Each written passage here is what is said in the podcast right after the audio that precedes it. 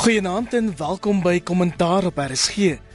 Ons vra waarom die Europese Unie die week vir Suid-Afrika tande gewys het. Wat skuil agter president Zuma se besluit om huise aan witplakkers te gee?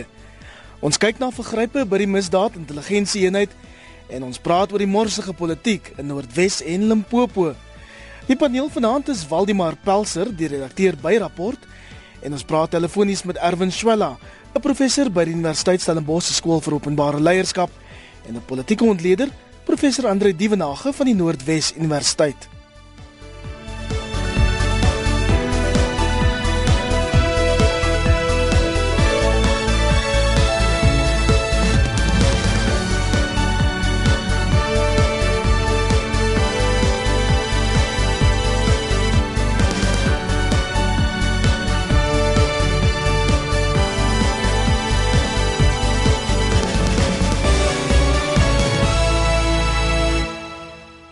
Begin by die 6de beraad tussen Suid-Afrika en die Europese Unie die week in Pretoria.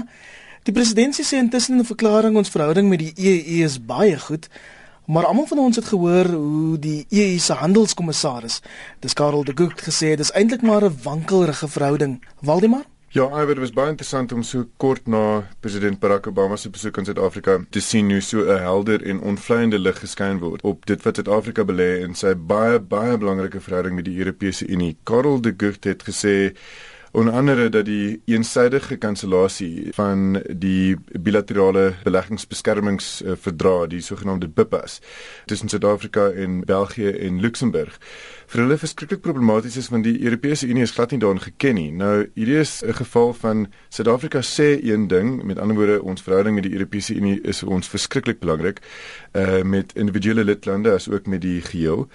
Maar aan die ander kant handel ons op 'n manier wat dit vir hulle laat lyk of ons hulle nie nodig het nie en of ons nuwe vriende in BRICS waaronder China vir ons baie belangriker is. Die verdrag waarborg dat as beleggings deur 'n Europese Unie land byvoorbeeld in Suid-Afrika in enige stadium in die toekoms in die gedrang sou kom of onteien sou word of genasionaliseer sou word en dis meer, sou hulle skadevergoeding kon kry en is 'n tipe van 'n waarborg vir beleggers en die Europese Unie voel met reg in die gesig gevat. Professor Swallow, stem jy saam? Ja, ek dink 'n mens moet gaan kyk na die geskiedenis hier. Kyk uit die aard van die saak het ons oor baie jare betrekkinge opgebou met die Europese Unie en met ons verlede het ons natuurlik daai verbintenisse in stand gehou. Dit is belangrike en werklik substantiëre verbintenisse, groot omvang van ons handelsbetrekkinge. Ek wonder net altyd hoekom ons dinge so ideologies benader. Lyk asof ideologie 'n groter rol speel as idees.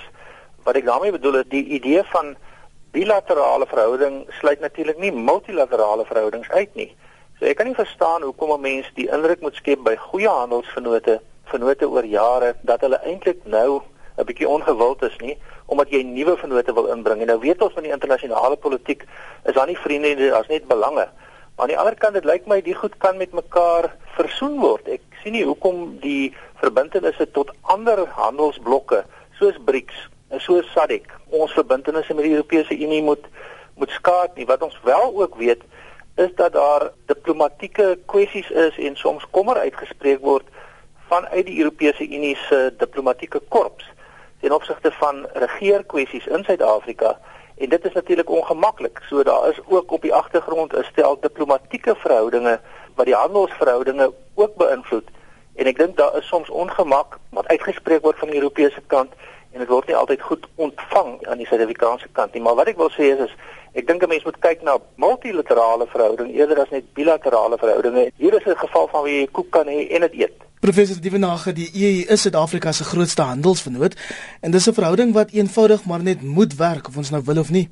Iwer sonder enige twyfel en ek stem met die vorige twee kommentators saam. Ek dink dit is baie duidelik dat die Europese Unie 'n uiters belangrike rol te speel het in terme van beleggings in Suid-Afrika. Ons weet dat ons dit baie nodig het vir ons groei wat toenemend afwaarts aangepas word en Erwin is heeltemal reg. Hier speel ideologie 'n groot rol en dit is altyd jammer die moment wanneer politieke ideologie in die spel kom dan kry jy 'n verskraalde beeld van die werklikheid en dit is vir my baie duidelik dat ons probeer om die lyne oop te hou na die sogenaamde progressiewe kragte in die wêreldpolitiek BRICS staan baie sentraal Mense dink veral aan die rol wat China in die verband speel, maar ons moet in gedagte hou, die Chinese ekonomie is ook besig om op hierdie stadium op laer vlakke te presteer. So persoonlik dink ek strategies is dit 'n fout om die bande met die Europese Unie te hanteer soos wat ons dit tans hanteer en ek dink ons gaan ongetwyfeld 'n prys daarvoor betaal. Waldemar, die syfers van hierdie verhouding is vir my nogal skrikwekkend. 88% van die totale beleggingsvoorraad in Suid-Afrika was in 2010 uit die Europese Unie en as mense dit kan omsit in rand en sent, dit beteken 'n derde van die land se ekonomie wat so 3 triljoen rand sterk is, is gebaseer op Europese beleggings. Iver hierdie is groot bedrae en en as mens daarvan probeer sin maak dan kan mens verwys byvoorbeeld na die impak van beleggings op werkskepping. Twee punte daar. Die een is dat sonder beleggings gaan jy nie werkskepping hê nie. Ehm um, en die ander is dat sodra beleggings in die gedrang kom, vererger dit onsekerheid tot so 'n mate dat jy jy weet jy net nie nuwe beleggings gaan kry nie. 90000 werksgeleenthede word geskep in Suid-Afrika net deur Duitse firmas alleen. Dis verskriklike klomp geld. Die Engelse sê we punch above our weight. Nee, weet sê dit in 94 het Suid-Afrika soveel eintlik invloed internasionaal wat eintlik uit verhouding is met die grootte van ons ekonomie en die werklike aantoonbare belang van ons land. So ons hou nie daarvan om die verleë party te wees nie. En ons is werklik waar hier die verleë party. Ons vry uh, al is dit ongewild, uh, miskien polities ongewild, ons vry na westerse lande se beleggings. Ons ding mee met baie ander ontleikende markte wat met baie meer aantreklike ekonomiese groeikoerse as Suid-Afrika spog. Ten sonder hierdie belegging kan die ANC nie sy verkiesingsbeloftes nakom nie, kan die ANC nie die werk skep wat hy nodig het om stabiliteit op die middeltermyn en die lange duur te handhaaf nie. So dis 'n baie moeilike situasie miskien vir die regering waar ons moet eintlik vir hulle sê, ons is bereid om agteroor te buig, maar ons doen dit nie graag in die openbaar nie. Dis hoekom president Obama se besoek miskien verfrissend was in die opsig. Ons het baie moeite gedoen om gerusstellende boodskappe aan hom uit te stuur en hom baie welkom te laat voel, al was daar 'n relletjie oor die vryheid van Kaapstad en dis meer wat hy nie kon ontvang nie, maar ons het regtig moeite gedoen om die rooi tapuit vir hom uit te rol en uh, miskien is dit tyd dat ons nou ons dit vir die Chinese en die Amerikaners gedoen het, dit opnuut weer vir die Europeërs doen. Erwin Waldemar sê nou Suid-Afrika is 'n verleë party en dit is dalk so, maar mense het tog die gevoel gekry dat die Europese Unie eintlik bietjie jaloers is op die land se verhouding met die BRICS lande. Hoekom sou dit wees? Wel, kom ons begin gou net effens uit 'n ander hoek uit. Al hierdie internasionale verhoudinge kom natuurlik met 'n klomp voordeel, maar daar's ook bepaalde verpligtinge en verwagtinge. Nou wanneer die Europese Unie en kom ons sê dan nou Amerika bepaalde handelsbetrekkinge aangaan en verbintenisse maak onder andere rondom ontwikkelingshulp en so, dan is daar 'n bepaalde agenda. Dis die goeie regering agenda Dis die agenda wat te maak het met dat ons wil handel dryf eerder as doodgewoon geld en goedere uitdeel. So daar's altyd 'n stel voorwaardes ook. Dat dit lyk asof in die mededingende internasionale politiek maar China besig is om vir ander redes as goeie regering miskien en vir ander redes as stryd rather than aid uh, agenda voetspore in Afrika te probeer kry wil dit voorkom asof daar dis 'n mededinging is en daar dis verskillende voorwaardes gestel word die Europese Unie is natuurlik ook in 'n situasie waar hulle al 'n paar jaar lank in 'n ekonomiese krisis is en hulle het 'n belang by die handelsbetrekkinge. Hulle wil ook hulpbronne invoer. Hulle wil natuurlik ook uitvoere. Die handelsbalans is natuurlik negatief teenoor Suid-Afrika. Hulle voer veel meer uit na Suid-Afrika as wat hulle invoer van Suid-Afrika af. En op dië manier is daar goeie handelsaspekte, maar daar's ook politieke aspekte en diplomatieke aspekte. So die Europese Unie wil nie graag hulle voetspore hier verloor nie en soos ek reeds gesê het, ek dink nie hierdie goed behoort gesien te word as zero-som spel nie. In die sin dat wat ons wen aan verbintenisse met BRICS, hoef ons nie noodwendig prys te gee aan verbintenisse met die Europese Unie nie. Alhoewel daar twee stelle verwagtinge is van wat ons eintlik dan ook binnelands en ten opsigte van die internasionale politiek moet doen. Andre die presidentsie sê ons handels en ekonomiese verhouding met die EU het in die laaste 10 jaar gegroei en ek het lanklaas so 'n lywige mediaverklaring van die presidentsie gesien dit nou nie daarvan 10 woordverklaringe oor Madiba se gesondheid onder andere. Waarop baseer hulle die aanname dat dit in die laaste 10 jaar eintlik goed gegaan het? Wel, dit gaan nou maar oor 'n historiese verhouding wat dan nou veral uitgebou is sedert die sanksietyd. Ons moet onthou daar was sterk sanksies geweest teen Suid-Afrika tot en met 94 en daarna het ons ekonomiese verhoudinge weer genormaliseer en was daar 'n bepaalde uitbouing van die verhoudinge. Natuurlik het dit 'n baie baie lang historiese lyne wat eintlik terugdateer na jou koloniale tydperk en uh, soos dit ook vroeër genoem is, ek dink dit is uiters belangrik vir die Europeërs om hierdie verhoudinge in stand te hou. En dit is uiteraard sodat hulle in kompetisie is met die nuwe magsblokke.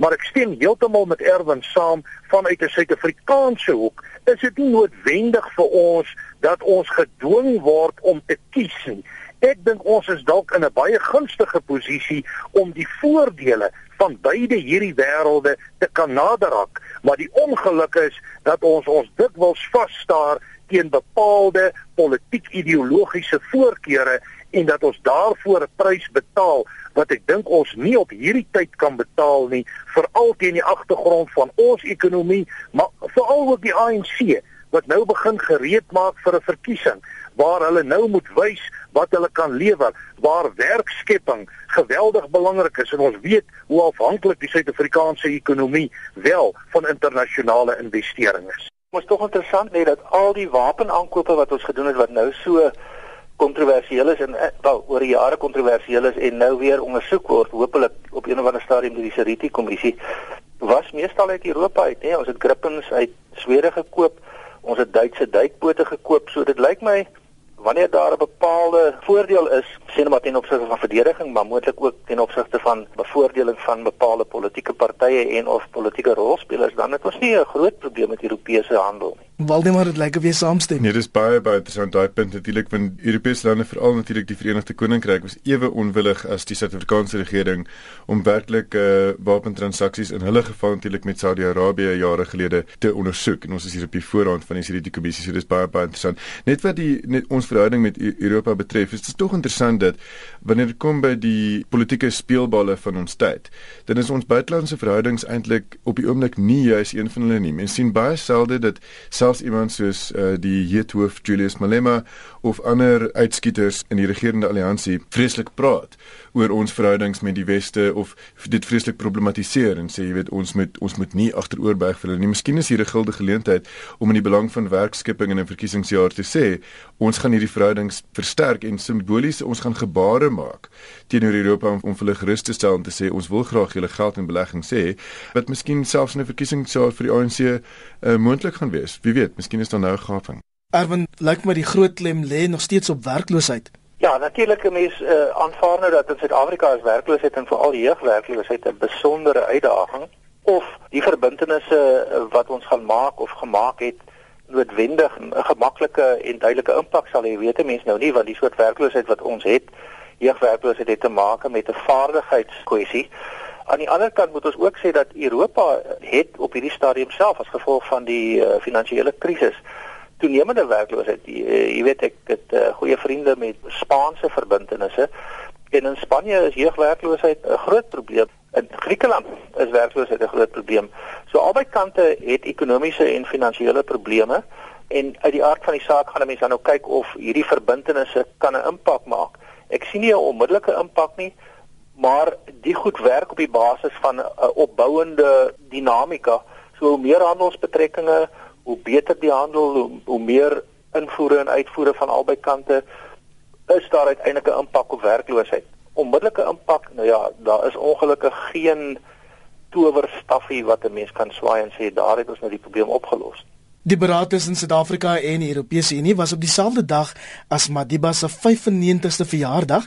Die eense dag toe president Jacob Zuma huise aan onder meer inwoners van 'n wit plakkerskamp oorhandig het in Danville in die weste van Pretoria. Andre, ek dink nie number 1 hierdie polemiek sien kom nie. Nee, ek dink nie hy het dit heeltemal op daai manier gelees nie, maar ek dink wat tog belangrik is, dis 'n bepaalde simboliese gebaar na die wit gemeenskap wat op 'n manier dink ek ook maar saamhang met 'n groter verkiesingsstrategie om te wys daar is 'n bepaalde uitreiking ook na minderheidsgroepe. Ons is bewus daarvan in terme van stempatrone in vorige verkiesings dat jou minderheidsgroepe al verder weggeplaas word van die ANC en juis daarom is dit vir die ANC as 'n party ook belangrik om hierdie tipe simboliese gebare te doen.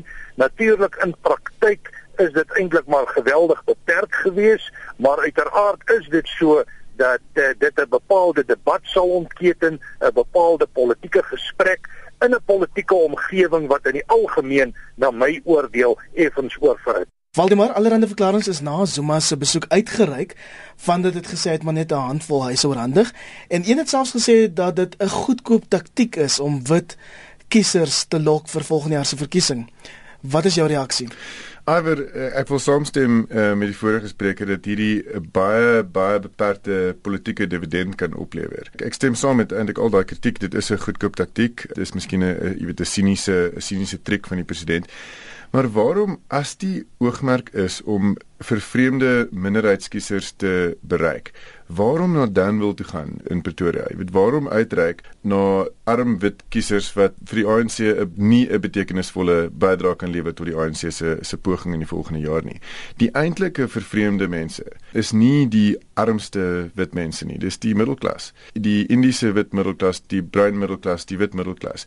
Hierdie is die mense wie se jy weet reeds voorheen beperkte steun vir die ANC in die laaste paar jaar werklik soos water deur die sand weggesypel het. En ek sou sê as die oog oogmerk was eintlik om daar skade reg te maak. Moes die president elders gaan vryheid nog stemme. Erwin ter verdediging van die president, dit was nie sy eerste besoek aan Danville nie. Om die waarheid te sê, Zuma was al in 2008 as ek nou reg is vir die eerste keer daar. Ja, kyk, het mense nou maar daaroor ook sê dat in 2008 was president Zuma daar, maar hy het nou teruggegaan in 2013 en intussen dink ek het daar wat 25 huise bygekom. So van 2008 tot 2013 25 huise, dit is nie 'n besondere impakvolle ingreep gewees nie. Die belangrike ding hier is dat ek dink 'n mens probeer iets terugwen of die die leierskap in die ANC iets terugwen van die Madiba Magic. Uh, dis ook simbolies wanneer hierdie goed gebeur, maar die Madiba Magic is natuurlik uh, juis betekenisvol omdat dit nie magic is nie. Dit gaan gepaard met 'n werklike opregte omgee vir mense en 'n deurdagte maar ook 'n empatiese nê met met werklike deernis pogings om na mense toe uit te reik. Ongelukkig dink ek hierdie inisiatief het 'n uiters beperkte impak op so min of meer alles gehad. Dit het nie veel huise gelewer nie, ek dink dit gaan veel stemme lewer nie. Dit gaan ook nie veel indruk maak op die groter belangrike simboliese kwessies van leierskap in Suid-Afrika waar ek dink elke regeringsleier dit wil sê nou nie 'n partytetiese leier nie, maar 'n leier wat selfs uit 'n partytetiese agtergrond kom, wat 'n regeringsleier is, behoort deurlopend eintlik verplig te wees om nie verdelende nie, maar eerder uitsprake te maak wat mense bymekaar bring en ook op te tree op 'n wyse wat Suid-Afrika groter sosiale kohesie gee. Andres het gepraat van Madiba Magic. Ek het bietjie Zuma se lyfstaal dopgehou terwyl sy toespraak daar in Danville. En ek dink tog ons het 'n ander sy van die president gesien om die waarheid te sê van die kommentator sê dit het hulle aan Madiba herinner. Het jy dit ook so ervaar? Wel, ek wil nou nie heeltemal so ver gaan om te sê dit het my nou aan uh, Nelson Mandela en sy styl heeltemal herinner nie. Wat wel vir my duidelik is en die punt is ook gemaak dat hier gespeel word na bepaalde gehore dat daar 'n poging is om uit te reik. Maar ek dink dit bly baie sterk simbolies. Ek dink net nie president Zuma het dieselfde tipe verwysing as uh, oud president Mandela nie en hy gaan nie daardie selfde tipe impak maak nie. Die vraag is natuurlik waarom word dit gedoen? En my breë kyk op die ANC op die oomblik is dat die ANC probleme het met bepaalde steunbasisse en Waldemar is heeltemal reg die middelklas raak toenemend verwyderd van die ANC en dit is 'n steunbasis waarop hulle sal moet konsentreer. Maar ek dink die belangrike punt hier is die politieke omgewing is so geweldig divers dat 'n politikus in baie opsigte ook maar 'n verkleurmannetjie moet wees ten einde homself te kan plaas in verskillende omgewings van arm blankes tot 'n swart middelklas tot swart elite landelik stedelik dit word geweldig kompleks en dit maak dat leiers baie pragmaties is en dikwels nie altyd so geloofwaardig is nie. Net wat die middelklas aanbetref, dis vir my baie duidelik dat die ANC 'n redelike sterk inisiatief rondom Cyril Ramaphosa wil loods om juis te kyk of hulle daardie middelklas wat hulle verloor het en ek dink die steunbasisse van Cope tot 'n sekere mate is gereflekteer in daardie weerstand. Natuurlik ook groot getalle van mense wat polities apaties geraak het van die syfers tot 5 miljoen genoem in vorige verkiesings. Nou in daai sin moet hulle 'n komplekse strategie volg en ek dink wat ons maar hier sien is 'n komplekse strategie, maar ek twyfel of dit die impak sal hê komende van Zuma in vergelyking tot oud-president Mandela. Waldemar, dis nogal my interessant dat mense aan oud-president Nelson Mandela dink as 'n staatsman en aan Zuma as 'n verkleermannetjie, politikus. Inderdaad, Iver, ek dink die rede daarvoor is dat die president het baie min uh politieke kapitaal by baie Suid-Afrikaners. Daar's baie min vertroue in sy beweegreddes en in sy motiewe. Jy weet, waarom sal hy hierdie doen? Ehm um, ek dink in oud president Mandela se dae het Suid-Afrikaners hom in die meeste gevalle die voordeel van die twyfel gegee as hy so iets sou doen omdat hy soos wat vroeër ook gesê is bewys het dat dit werklik um, uit sy hart uitkom. Ehm um, met president Zuma is dit nie so nie en ek dink dit is al hoe moeiliker dink ek om 'n groeiende middelklas kieserskorps te flous. Ehm um, ons sien dit in Brasilië, ons sien dit in Turkye waar dit die middelklas was vir die laaste ruk op straat was om eise terug aan regerings waarvan regerings vir baie lank nie gehoor het nie. Hierdie is groeiende middelklasse wat al hoe meer krities is oor regerings se optrede. Dit is 'n middelklas waar die jy weet geletterdheidskoers styg, die opvoedingskoers styg. En mense hier kon argumenteer dat na mate die ANC slaag miskien in die groei van 'n in die bou van 'n middelklas ook 'n swart middelklas. 'n Bou hy eintlik ook die korps waaruit sy mees luidrugtige kritisie in die toekoms gaan kom. Dis mense wat nie gaan val vir triks soos die oorhandiging van 'n paar reise nie, maar eintlik vra, gee vir ons antwoorde oor die aankoop van die wapens destyds. Sê vir ons waarom daar 200 miljoen rand spandeer is op Nkandla. Verduidelik vir ons hoe jou neef Dibo Mzobe, die hoof is van die Masibambisane Ontwikkelingstrust in die Oos-Kaap wat tot 900 miljoen rand gaan spandeer oor die volgende paar jaar. Verduidelik vir ons hierdie goed. Dit is die vraag waarop ons antwoorde wil hê. Erwin, dis interessant meneer Zuma het onder meer gesê niemand moet soos weeskinders in hulle eie land voel nie, maar as ek nou vir Waldemar reg lees, is dit eintlik die president homself wat baie mense soos weeskinders laat voel. Ek sal my uh, moeilik wil uitlaat oor 'n bietjie probleme uit te laat oor hoe die president mense spesifiek wil laat voel. Ek dink uh, die president het op sy eie manier 'n uh, uh, aantreklikheid. Uh, dis nie sleg om met hom lyk dit my um, rondom 'n braaivleisvuur te staan en aangename gesprekke te voer nie.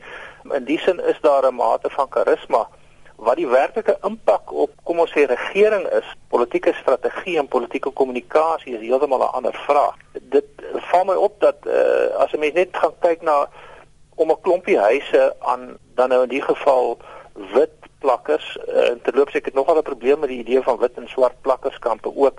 Hmm. Nou ek dink mense moet maar net gaan kyk na plakkerskampe. Daar's genoeg nood daar dat mense nie nog hoef kleur ook te gee nie.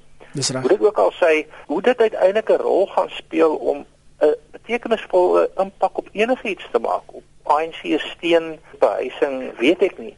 So die president is dink ek 'n heel gemaklike mens om mee oor die weg te kom op 'n interpersoonlike vlak, maar dit is eintlik nie wat ons wil hê nie. Ons ons soek 'n visionêre, strategiese, inspirerende, morele stel optredes wat 'n betekenisvolle verskil aan regering en aan politiek en aan ons lewens maak. Kom ons praat gou vinnig oor Madiba se 95ste verjaardag. RSG het die week eksklusief met die sakevrou en die vryheidsvegter Cheryl Carolus gepraat en sy sê Suid-Afrika skuil te veel agter meneer Mandela se beeld. Kom ons luister gou na 'n uh, uittreksel uit die gesprek vroeër die week. So dink ek ook dat 'n uh, begin vir ons oor die afgelope paar jare net herinner dat hy is mens en soos alle mens gaan ons almal terugkeer na die aarde op 'n tyd iewers op 'n kol en hy het dit met baie goeie humor gedoen met almal van ons van tyd tot tyd. As jy vir my so 'n paar jaar gelede gevra het dan sou ek lewe sonder Tata op 'n persoonlike en as 'n nasionale ikon. Ek dink geen een van ons kon nou ouer gedink het nie. Wel, ek dink dit is 'n cop-out. Dit is te maklik om altyd vir Tata te hê om vir ons te herinner aan ons waardes. Ons is groot mense, we are big boys and girls. Ons demokrasie is 20 jaar oud op die ouderdom van 20 sekerlik ons hoef nie meer op ons grootouers afhanklik te wees om vir ons die regte pad te wys nie. Niemand veral nie vandag nie. Waldemar, jou reaksie daarop? Ah, dit is so interessant. Ek ek stem regtig met haar saam. Ek ek dink een van die grootste geskenke wat uit president Mandela vir ons gegee het, was om ons minder afhanklik van hom te maak en nie meer afhanklik nie. Hy het nou net een termyn teruggetree as president van die begin af duidelik gemaak dat daar gaan nie twee termyne vir hom wees nie. En om al in 2005 onttrek aan die openbare jy weet omgewing, jy weet op opgehou om uitsprake te maak oor die gehalte van die regering opgehou om 'n politieke rol te speel.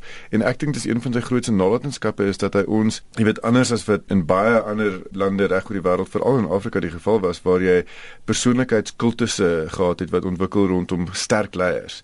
Het Mandela die gevaar daarvan raak gesien om 'n bestel rondom 'n persoonlikheid te ontwikkel en te bou en eerder daarop gefokus in baie gevalle om instellings van demokrasie, institutional demokrasie weet te te vestig en uit te bou.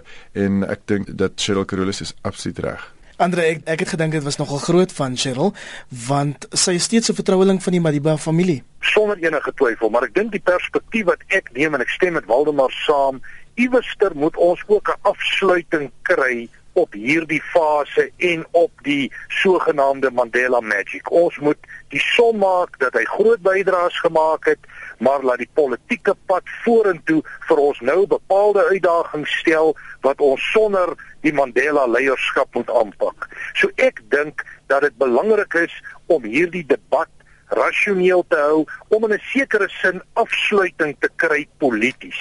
En ek moet sê ek is redelik bekommerd dat die hele Mandela nalatenskap 'n baie groot kwessie kan word in die verkiesing met 'n groot klomp emosies en ek dink op hierdie stadium is dit nie die beste weg vir die Suid-Afrikaanse politiek nie.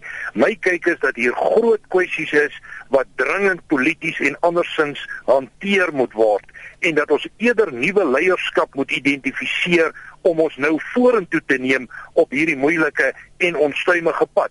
Wat wel so is, ons kan dit wat in die verlede geontwikkel is en geskep is deur iemand soos Mandela as 'n basis gebruik om vorentoe te beweeg, maar ek dink afsluiting is krities noodsaaklik en in daai sin wil ek graag met Cheryl Carolus saamstem. As jy dalk laat bins ingeskakel het, jy luister na 'n kommentaar op RSG. My naam is Iver Price en ek is in vir Anita Visser wat steeds in die buiteland is.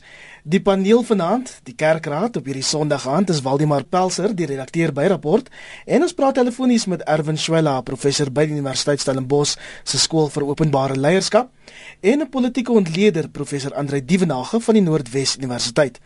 Ons kookus oor van die grootste nuusstories die week en ons skuif nou die klem na die Klokwe Stadsraad in Potchefstroom waar inwoners asem ophou vir 'n uitspraak Dinsdag in die Noord-Gautengse Hooggeregshof. Erwin, dis moeilik om te voorspel wat die hof Dinsdag gaan bevind. Die howe as instellings het hulle eie benadering en hulle optrede gaan uiteindelik afhang van wat die regsargumente voor hulle is. Dit wil vir my voorkom asof uh, dit moeilik gaan wees om te sê dat die die vergadering het nie plaasgevind nie alhoewel daar allerlei kwessies is oor hoe die kennisgewing van die vergadering gegee is en of die vergadering dalk afgelas was. Die vergadering het plaasgevind. 'n Motie van wantroue is aanvaar.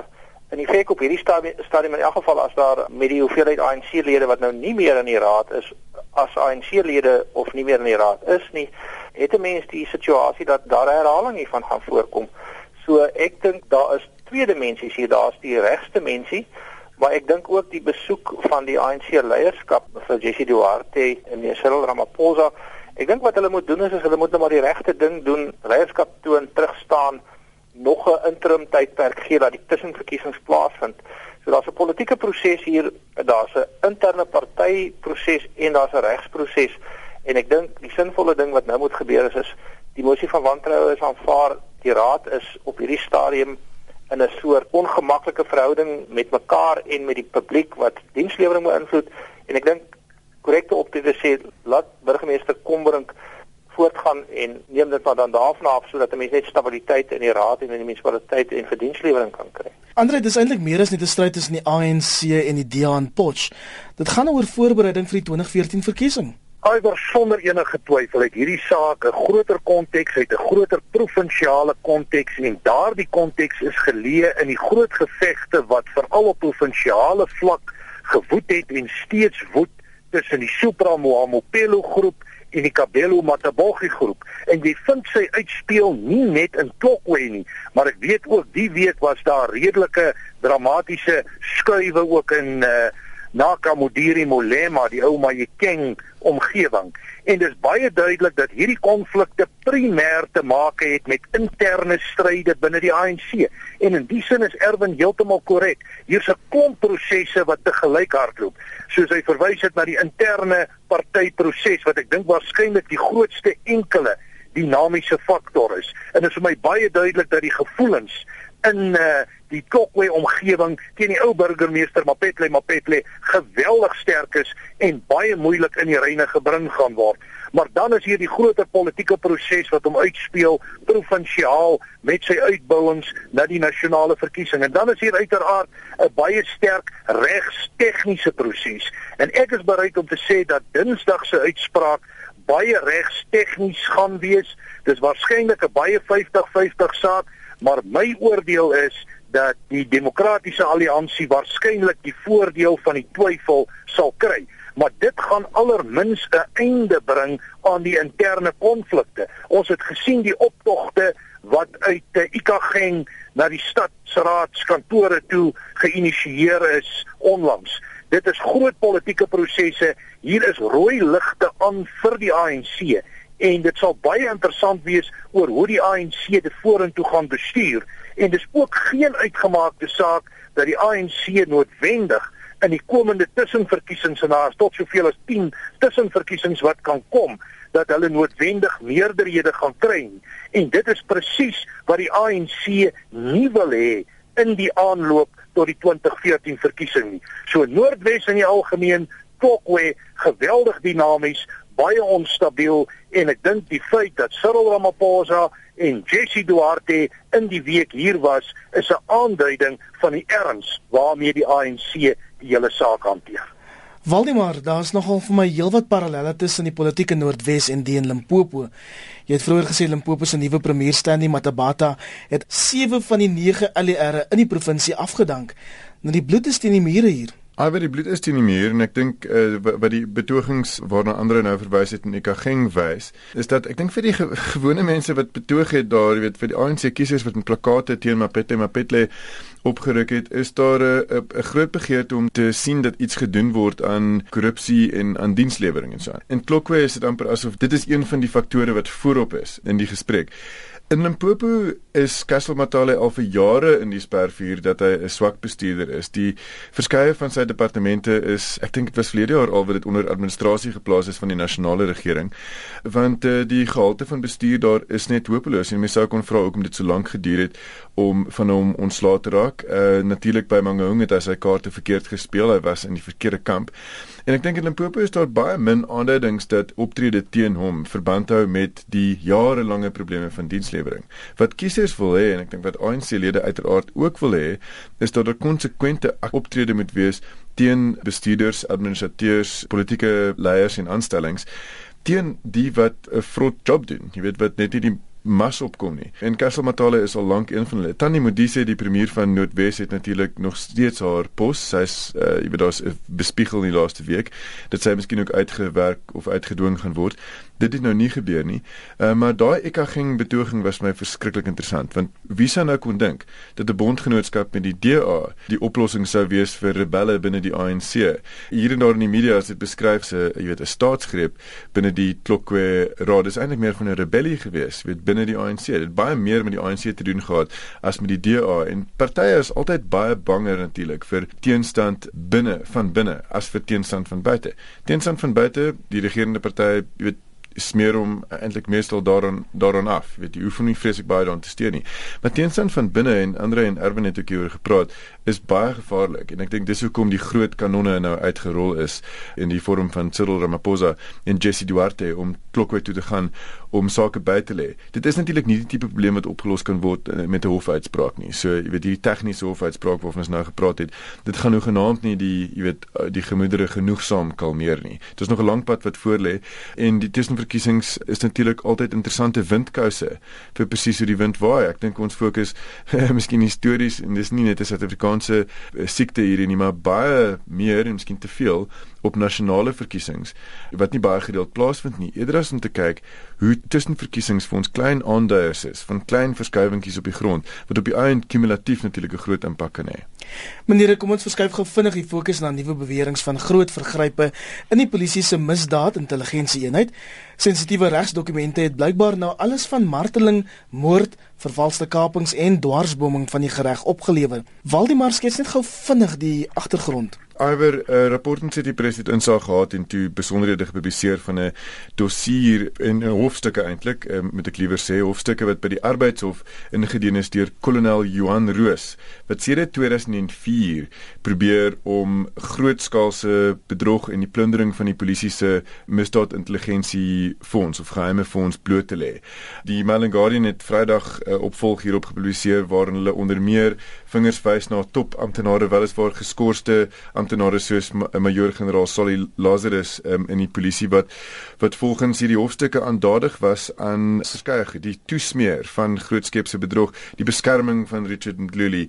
Maar dit gaan hoor, die minister Natim Tetwa is geïmpliseer daarbey dat hy sedert 2004 weet van grootskaalse grootskaalse probleme in hierdie fonds. Een van die voorbeelde is byvoorbeeld dat 250 poste in die siviele misdaad intelligensie strukture gevul is die laaste paar jaar deur polisielede se vriende, meisies en familie. Daar's dierhorlosies, daar is motorkapings wat wat glo nie werklik plaasgevind het nie waar honderde duisend rande gesteel is.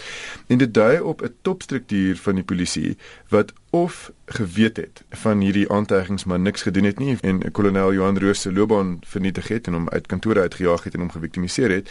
Uh, hy eis nou sy werk terug en aan die ander kant ook aandadig was aan van hierdie optrede heel heel bo in die polisie diens wat baie kommerwekkend is. Andre die tyd is besig om ons in te haal, maar kortliks.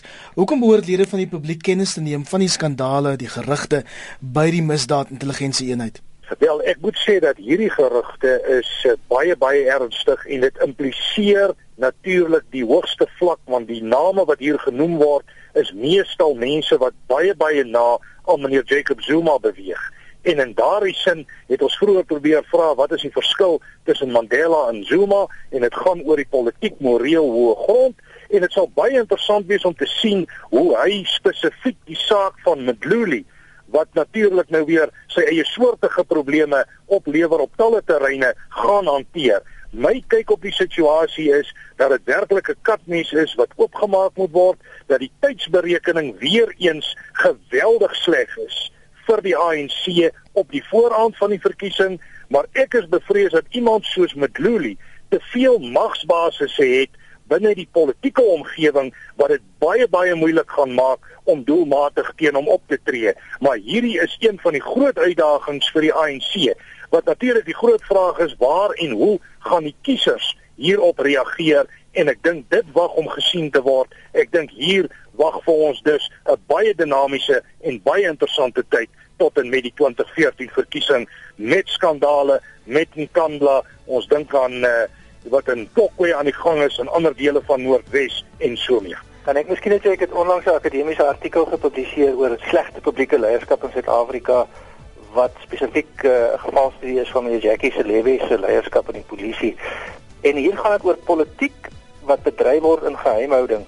Ons het veel eerder 'n polisie diens nodig wat professioneel bedryf word in die oop, dan sal ons baie van hierdie probleme kan oplos. Hierdie institusionele en en dinamiese leiers aspekte wat ernstige aandag verdien vanaf die aanstelling van hierdie mense dwarsdeur tot behoorlike etiese en effektiewe bestuur van die polisie diens. Nou ja, kom ons drink op een wat sy drome oorleef. Dis dan al waarvoor ons tyd het vanaand op kommentaar. Baie dankie aan my gaste. Waldemar Pelser, die redakteur by Rapport. Baie dankie. Was lekker om hier te wees, Iwer. En Erwin Swela, professor by die Universiteit Stellenbosch se skool vir openbare leierskap. Dankie kollegas, dit was 'n goeie gesprek. En 'n politieke ontleder, professor Andre Dievenage van die Noordwes Universiteit. Dankie Iwer, dankie kollegas. My naam is Iwer Price. Totsiens, ek groet tot môreoggend tussen 6 en 8 in die Monitor Ateljee.